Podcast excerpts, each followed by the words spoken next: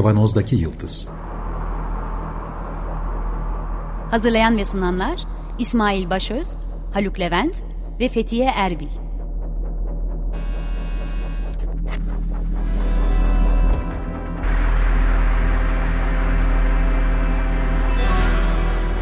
Bugünün penceresinden geleceğin ayak izleri. Zorlu Holding Sürdürülebilirlik Platformu Akıllı Hayat 2030, herkes için daha yaşanabilir bir dünya diler. Merhabalar Açık Radyo'dayız. 95.0 Kavanoz'daki Yıldız programında sizlerle beraberiz. Geleceğin ayak izlerini sürmeye devam ediyoruz. Metaverse üzerinden konuşmaya. Bu aralarda herkesin, e, herkesin demeyelim tabii yani dünyanın çok daha önemli problemleri var ama birçok insanın ağzında hatta oradan arazi alma e, planlarına kafası yatmış insanların sohbetine dahil oluyoruz şey çok Senin güzel ama yani. kaç bit diye soracağız değil mi? Nere, nereye, nereye yatırım yapsak diye düşünürken bir anda Metaverse'de arazi satıyorlarmış. Alalım falan. Abi Allah ne hafta yapacaksın? sonu şahit olduk böyle bir sohbete biz. Abi ne yapacaksın, ne edeceksin hiçbir fikir yok tabii kimsede ama arazi, arazi var diye. Peki Haluk burada, Fethiye burada, ben İsmail. Hepimizden selamlar ve sevgili konuğumuz Ömer Şahin bizimle beraber tekrar geçtiğimiz haftada oyunlar e, üzerinden başlayarak devam etmiştik. Tekrar hatırlatalım. Ömer Şahin yıllarca bizim radyoda kayıt yaparken camın arkasında seslerimizi kaydeden ve bunu size ileten arkadaşımız ki hala bunu yapıyor. E, hoş geldin. Hoş bulduk. Merhaba tekrar. Arada kayıt dışı müdahil oluyordu ama. evet, ya dayanamıyordum giriyordum araya. Masanın arkasında duruyordu e, diyoruz. Uzun süredir biz şu anda mesela evlerimizden kayıt yapıyoruz ama bizim yaptığımız kayıtları Evet. da alıp temizleyip size iletiyorlar. Tekrar şimdiden çok teşekkürlerimizi iletelim. Evet, geçtiğimiz hafta oyun dünyasından Metaverse'e geçmeye çalışmıştık. Çok kabaca bir hatırlatalım. Oyun dünyasındaki bazı temel benzerlikleri alıp oraya taşımaktı Metaverse'deki e, işleyiş. E, başta Aynen. Avatar ve Avatar için çok güzel bitirmiştik. İşte futbol oyunu oynarken krampon satın almaklar, forma satın almaklarla başlayan sürecin şimdi üç boyutlu interneti Ömer Şahin'in terimini çok sevdim. Ömer internetin üç boyutlu haline çevirmekle e, Aynen. ilgili bir miktar kafamda canlandırabilmek için ben hologramları falan filan hatırlamaya çalışıyorum ama bunlar farklı şey. Çünkü hologramda bildiğim kadarıyla ben canlı o hani kanlı canlı flash İngilizcesi de bedenimle karşımda hologramı görebiliyordum ama burada herkes o ekran içinde dijital dünyada kendi avatarıyla olacak ve oyun dünyasından buraya doğru bir geçiş pazarlanıyor. Ya şunu belirtmek istiyorum. Bu büyük bir pazarlama ön girişiminin bir parçası olma ihtimalimiz var. Biz bile burada bu programı yaparken insanların kafasında henüz bir birim aslında gerçekte bir birim olan bir şey insanların kafasında yüz birim halinde oluşturmak girişimi var. Biz de bu programla bunun parçası olabiliriz. Bu bir risk. Bunun farkındayız. Ama e, başka türlü okumaya çalışıyoruz olayı gerçekten. E, bunu da bilelim. Dinleyicilerimiz de ne olur bunu e, akıllarına tutsunlar. Şu anda olup bitenin çok daha üstünde bir pazar dünyası yaratmak, bir ideolojik, bir düşünsel, algısal boyuta oynamak gibi bir Hegemonya yaratmak. diyelim olduğu bir hegemonya yaratmak. Aynen. İhtiyaç yaratıyorlar abi. Yani satabilmek için yani bence kapitalist sistemin son çırpınışı bu. Yani tam olarak o yani. Yani Dijital dünyada. İyi bir- evet evet yani ihtiyaç yaratıyor. Çünkü bütün şey var olmayan bir şeyi varmış gibi sana işte 100 birim olarak pazarlayacak ki sen aa neymiş bu deyip içine gireceksin. Yani en basitinden bir biti 250 bin dolara satıyorum mu göstermek bile insanlar için bir yatırım aracı ya da bir şey mi diye ihtiyaç yarattırıyor yani. Çünkü insanlar daha- şu anda Bir daha programdan önce bize birazcık açıklamışım. Bir bit dediğin insanların arazi dediği şeye denk geliyor galiba. aynen aynen. Öyle mi? aynen. Ben bilmiyorum. Biraz azıcık açar mısınız Ömer? Yani Yani arazi satın almak için uğraşıyorlar. Bir biti 250 bin dolara satıyorsa düşünün arazi kaç bit bilmiyorum ama çok paraya satıyorlar yani. En basitten şöyle söyleyeyim 100 marka varmış Metaverse'de ilk açıldığı dönemde. Yani öte evrende diyelim Türkçesi.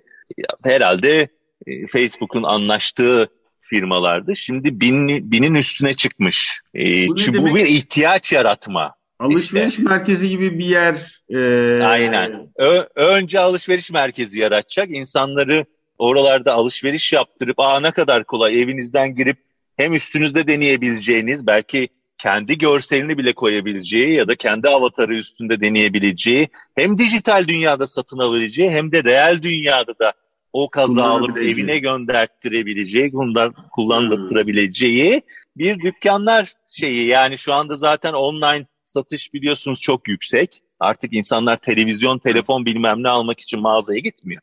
İnternet üzerinden alıyor.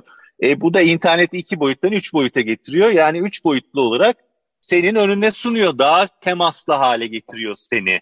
Yani bir resme bakarak satın almaktansa yani televizyonun etrafında dolaşarak ya da telefonu çevirerek görebileceğin bir şey haline getirmek amacı. Daha fazla para kazanmak tabii. Yani alışveriş amacı sonrasında da bir dünya yaratıp bunun içinde ne demiştik bir önceki programda süresiz zaman geçirmeni sağlamak. Evet. Oradan tabii- orada seni tutmak. Bir de tabii bunun şey boyutu da var. Müşteriyi tırnak içinde dükkana soktuğu zaman ya da öte evrene soktuğu zaman onun oradaki çeşitli olaylara ki bu experiment olarak bir deney olarak kurulmuş ve tasarımlı bir dizi olayla karşılaştırabilirler aynı zamanda. Onlara verdiği tepkileri de ölçümleyerek duygusal veri toplamak gibi aslında o hegemonyanın oluşmasında son derece önemli ve bugün için erişilemez durumda olan bir boşluğu tamamlıyorlar. Tabii ki. Tamam. Aynen. Bu Bir de- teknoloji tarafı bu aslında bana. Bir de internetin bir üst versiyonu çıkacak şimdi biliyorsunuz. Bir üste doğru geçiyorlar. Üst versiyon da takip edilme, araya reklam girme ve şeyler olmayacak. Yani tamamen kullanıcının kendi kimliğini güvenlik altına alan bir tasarım var şu anda. Bir sonraki internet e, dünyasında. Evet. O yüzden de Metaverse'ü bir an önce aracıyla çıkardılar. Ne? Aslında bence teknolojisi yetmiyor Metaverse'ün. Çünkü şöyle düşünün. Bir insan kafasına VR gözlüğü takacak. Ne kadar saat takabilirsiniz? Seni ne kadar saat tutabilir? Bir saat, iki saat. Sonra kafan yorulacak yani. En basitinde 3D gözlük, 3D filmler çıkardılar. Gözlükle insanların başı ağrıdı. Ya da bir materyal takmak zorunda kalmak, o dünyanın içine girmek insanları yordu. O yüzden Metaverse'ün şu anda teknolojisi yetmiyor. Bence beyne çip ya da lensler ya da kolay taşınabilir gözlüklerle reel hayatta etkileşim haline dönüşmesi gerekiyor. Bu bir süreç tabii buna e, evrilecekler. Bu, Ee, bu bahsettiğin çipler a- a- a- aşı şeylerin içine girebilecek küçüklükte çipler Yok, değil tabii. yok, Bunu yok. belirtelim. Mesele değil, değil, değil. Yani belki çok sonra yapabilirler ama şu an için değil. En basitinden kötü de değil. Çok güzel mesela ALS hastası bir insanın beynine çip takarak ve bir işletim sistemi kurarak e, o insanın düşünce gücüyle tweet atması, maillerini okuması ve insanlarla yazışmasını sağladılar. Ve Daha- belki Yani bu- dolayı hapse girmesi falan mümkün Evet artık onun da hapse sonra. girmesi mümkün yani. Tabii yani bu aslında pardon geri- kötü oldu bu zaman. Yani kötü bir- yapmasa mıydık adama böyle bir şey? Ne bileyim ya hani bu Daha önceki Yani- programlarımızda geçtiğimiz ay yani geçtiğimiz sene yaptığımız programlarda bunların gelişimiyle ilgili konuşmuştuk. Ee, size söz veriyoruz e, Kavanoz'daki Yıldız ekibi olarak bunların takibini gerçekleştireceğiz. Biz tekrar öte evrene doğru geçelim. Geçtiğimiz haftalarda bahsettiğim filmden Ready Player One filminden ki bu süreçte izlemek çok daha kıymetli oldu benim için. Sadece filmde ne olup bittiğini değil nasıl olup bittiğini izleme şansına sahip oldum. İlk hoşuma giden görüntü şuydu. Evet işte VR'lar, VR gözlükler kendi avatarlarıyla istedikleri biçimde görünebildikleri avatarlarıyla yaratılmış bir dünyada bulunuyorlar ama şey çok güzel. Drone'la da olsa pizza geliyor. Bildiğimiz pizza geliyor Yani, yani. Aynen. tamam mı? Yani o karnını doyurmak zorunda olduğu pizza geliyor ve e, hepsi bir ne diyeyim iklimden sıcak ya da soğuk havadan koruyabilecek mekanlarda e, Yaşıyorlar. barınıyorlar, yaşıyorlar ve günlük hayatlarında da kıyafet giyiyorlar. İster utançtan ya da e, ahlaki değerlerden istersek soğuk e, yüzünden olduğunu söyleyelim. O biyolojik ihtiyaçlarımızı karşılayan şeylerin hepsi giyiliyor o filmde. Elbette film yine klasik bir örgüye oturmuş iyiler ve kötüler üzerinden yürüyor ve yine bir oyun dünyası üzerinden gidiyor ayrı. Ama bu filmi Ready Player One'ı izlerseniz nasıllara dikkat ederek biraz daha bu Metaverse dünyası ilişki kurabiliriz. Orada mesela biz ilk programda beden kısıtlamasından bahsetmiştik. Her şey baş, bilgisayarın başında oturarak yapılacak ya da oturduğun yerde yapılacak diye. Hayır başka türlü de yapılabildiğine dair, yapılabileceğine dair izler var. Bir küçük örneği paylaşmak istiyorum. Tüm vücuda giydirilmiş dalgıç elbisesi gibi tüm vücuda giydirilmiş ve sens, üstünde sensörler olan elbiselerle iki insanın hiç yan yana olmadan sevişebilme hali, birbirinin bedenine dokunabilme halini e, bir şekilde göstermişler. Şu anda bunun gerçekliği henüz gerçek, e, olmuş değil ama çok akla yakın gözüküyor gerçekten. E işte eldiven ve elbise üzerindeki sensörler. Beden kısıtlaması tahmin ettiğimiz kadar olmayabilir ama aması işte o dünyanın henüz o teknolojinin çok hiç hiç yakınında değiliz bu arada. Değiliz. Ya ondan ötesi de var. Yani sinir sistemine bir tane mikroçip yerleştirerek o hissi sana verebilir. Yani be, giy, giysi bile giymene gerek yok. O mesela daha hızlı ilerleyecek bir süreç baktığınızda. Çünkü giysi giymek, gözlük takmak metaverse yani öte evren dünyası için çok meşakkatli. Ondan çok çabuk kurtulacaklardır. Bakmayın yani şu anda çok başındalar işin. Amaç insanları dijitalleştirip sonsuzluğa götürmek. Yani bu şimdi şey olarak algılıyoruz. Biz önce para kazanmak, öte dünya yaratmak bunlardan müşteriler tırnak içinde üretmek ama aslında dünya yani insanoğlu şeyi biliyor. Yani kimyasal olarak sonsuzluğa ulaşamayacağını biliyor ve e, araştırmalar da bence bu sürecin AI yaratmak yani yapay zekalı insansı robotlar, hayvansı robotlar yaratarak kendilerini sonsuzluğa aktarmak. Yani en basitinden şöyle düşünün. Şu anda biz sonsuz insanlarız bu çağda. Instagram'ımız var, Twitter'ımız var, Facebook'umuz var. Ben izler. Ömer Şahin olarak sonsuza kadar varım şu anda öyle düşünün. Unutma Dünya hakkının üzerinde. da olmadığından bahsetmiş. Unutma evet, hakkı da aynen. aynen. Yani sonsuza kadar varım. Beni adam 300 yıl sonra bile benim bilgilerime 500 yıl sonra bile ulaşabilir artık. Ama bundan 300 yıl önce Ömer diye bir adamın bilgilerine ulaşmam çok zor. Yani şu devirde yaşayan herkes aslında sonsuzluğa adım atmış durumda. Farkında değiller. Şey Dijital diye... olarak hayatlarını dijitale dönüştürüp sonsuz varlık olarak varlıklarını sürdürüyorlar. Ölmedi kalbimizde yaşıyor değil, ölmedi Instagram'da yaşıyor. Şeklinde. Aynen, aynen. Bunu da bilinçli olarak dijitale dönüştürme süreçleri bunlar. Bunların başındayız ve bence çok hızlı da gidiyoruz bakmayın yani. Bayağı hızlı adımlarla da insanlar dijitale. Çünkü yani bedenlerimizin e, bedenlerimizin o kadar uzun süre yaşamasının mümkün olmadığı ortada biyolojik kısıtlamalar yüzünden ki insan evladı var olduğundan beri sonsuz yaşamın peşinde koşuyor. Bana evet. da çok korkutucu geliyor. Ya korkutucu derken sıkıcı geliyor açıkçası ama dediğin gibi izlerimizden oluşan dijital veriler ki bunun hayallerinin bulunduğu kimi senaryolar Black Mirror dizilerinde evet, var tabii var. Oldu. Yani bak Black Mirror'a gitmeden çok daha önce Yunan mitolojisinde insanlar dört kollu, dört ayaklı, iki yüzlü doğarmış. Sonra Zeus bunların gücünden korkmuş, ikiye bölmüş, ayırmış. Bunu İnsanlar sonra aşkını aramak için iki insan bir araya geldiğinde birleştiğini düşünüyorlar ama bence bence insanlar kendi benliğini başka bir boyuta geçirmek ve sonsuzluğa ulaştırmak için arayış peşinde koşuyorlardı hep. Yani ona da e, vurgulayabiliriz. Yani o devirden beri yani felsefe olarak düşündüğümüzde Yunan mitolojisini zaten onun içinde değiller mi? Hep insan nereye evrilebilir, nereye gidebilir diye. Bence bu buna doğru gidiyoruz yani gidilecek. Bu, bu 24. Burada Star Trek'ten girelim burada. Star evet Trek'te 24. Var. yüzyılda çok tartışmalı bir konu abicim bu. Aynen. Sevgili Aynen. Kaptan Picard bunu tehlikeli buluyor bak.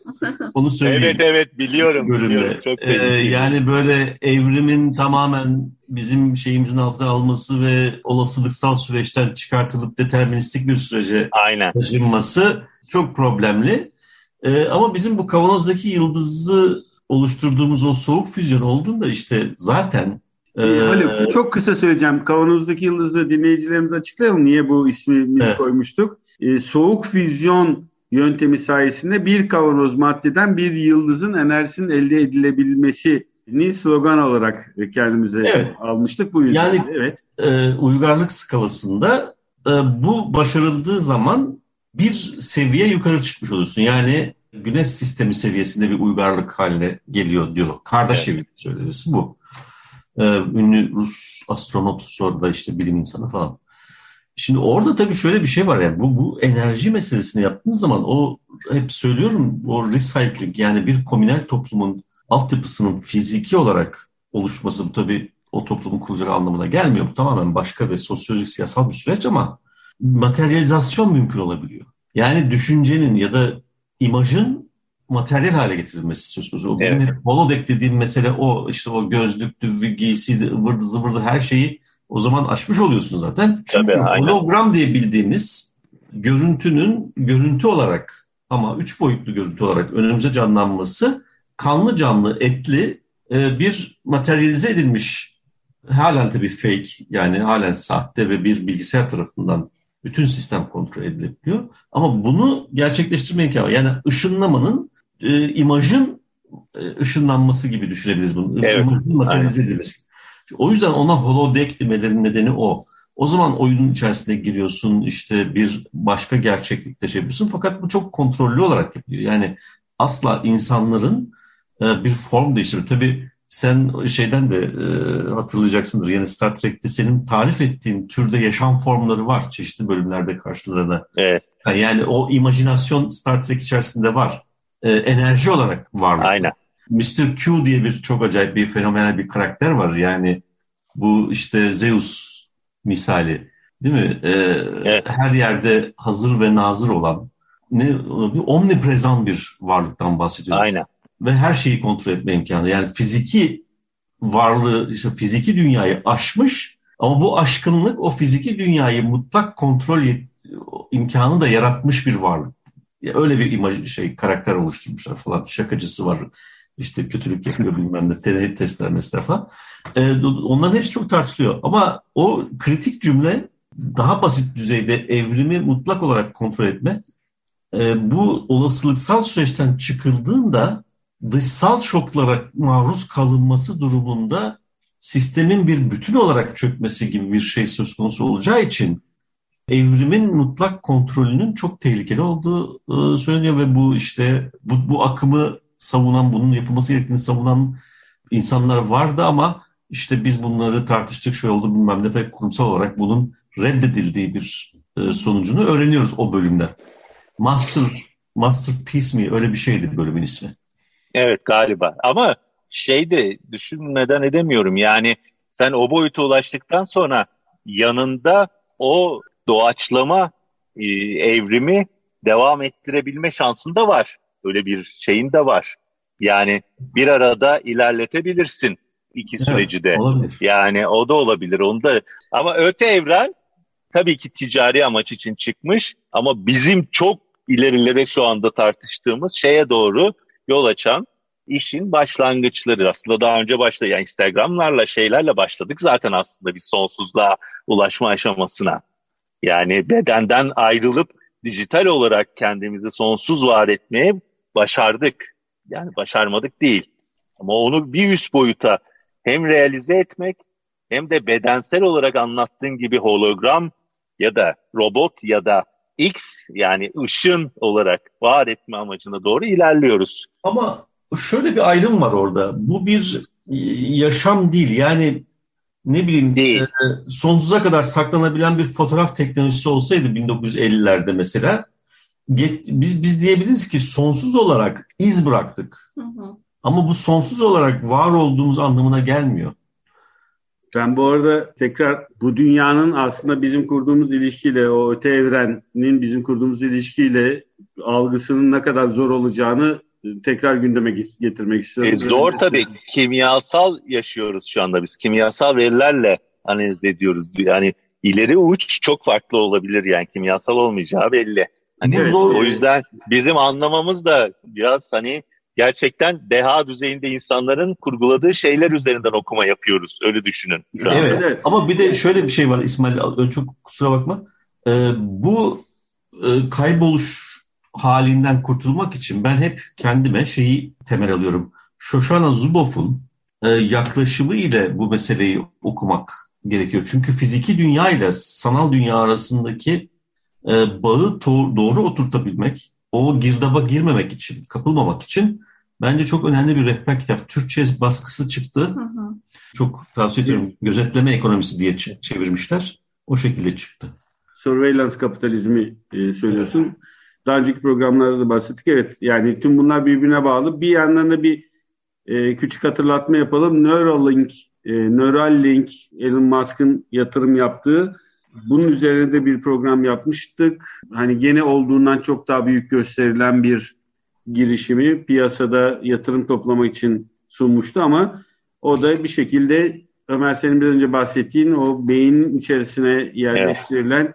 elektrotlarla e, aslına bakarsan şu anda sadece veri toplayabiliyoruz. Öyle e, bir de işte yıllardır yapılan Parkinson hastalarında dopamin salgısını indüklemek gibi e, bir takım uygulamalarla sürdürülen belki yeni versiyonlarında oradan gelen verileri toplayıp hareket sistemini e, ancak kontrol edebildiğimiz ve işte bir takım bezleri, salgıları kontrol edebildiğimiz bir uygulama var.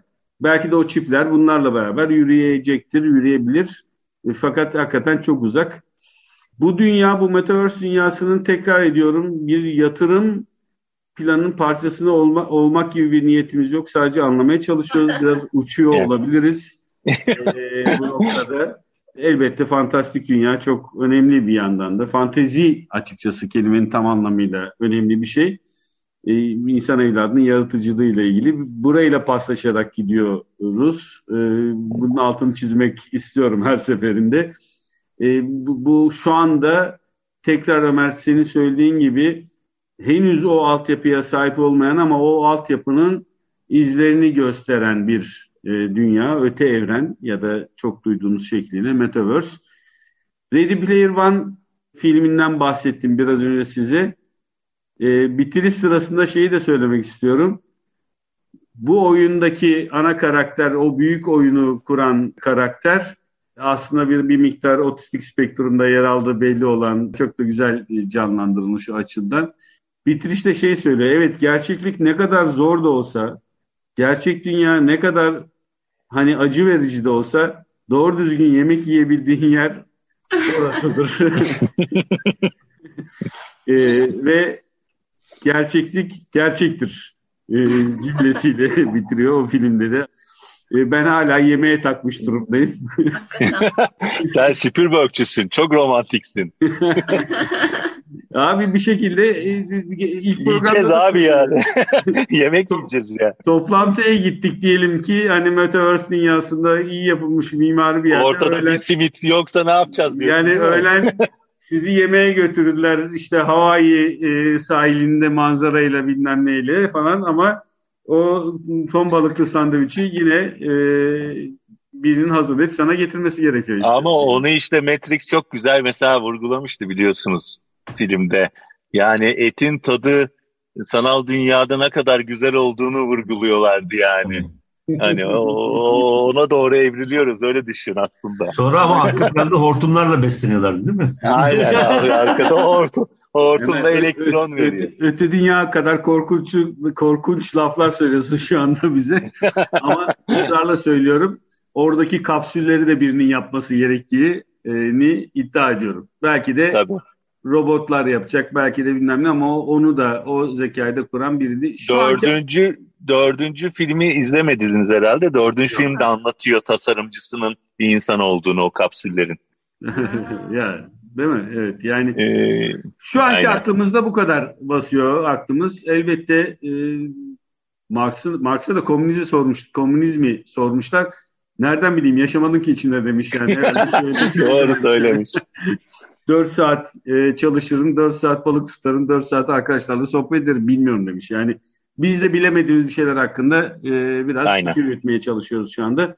Fakat bu işin pazarlama boyutunun çok büyük olduğunu da tekrar hatırlayalım. Birçok olayda olduğu gibi bu konuda da kafamız o aç, açıdan açık olsun derim. Peki Ömer Şahin ile beraberdik. sesini duymadığınız ama hepinizin çok iyi bildiği Açık Radyo'da Teknik Masa'da bize her zaman çok yardımı olan sevgili dostumuz e, Ömer Şahin'le beraberdik. Çok teşekkür ediyoruz Ömer. Çok sağ olun Çok Ömer. sağ ol. Sağ olun, siz sağ olun. Ee, Süper önümüzdeki- programlardı. Kesin. Önümüzdeki haftalarda da e, Metaverse'ün diğer boyutlarına konuşmaya devam edeceğiz. Bir miktar psikoloji ama e, büyük oranda da ekonomisi için hazırlanıyoruz Haluk'la beraber. Bu Metaverse'ün programı- ekonomi politiğini yazacağım. tamam bu, bu- Süpermiş. bir akademisyen olarak zaten meraklı senin hazırlamanı bekliyorum. Bize de söz verdin. Evet. Bunu da paylaşırız. Ee, bu programın size ulaşmasını sağlayan evet Ömer Şahin sana ee, Sağ. Selahattin'e, Robi'ye, Feryal'e hepinize çok çok teşekkür ediyoruz. Ellerinize sağlık. Program destekçimize çok teşekkür ediyoruz. Ee, bütün Açık Radyo program destekçilerine keza. Önümüzdeki hafta tekrar görüşmek üzere. Sağlıkla kalın. Hoşçakalın. Hoşçakalın. Hoşçakalın.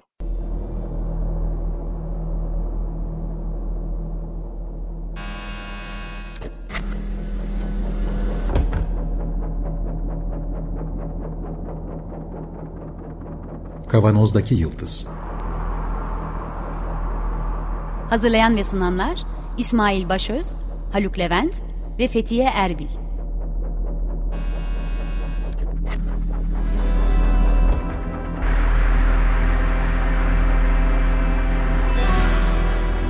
Bugünün penceresinden geleceğin ayak izleri. Zorlu Holding Sürdürülebilirlik Platformu Akıllı Hayat 2030 sundu.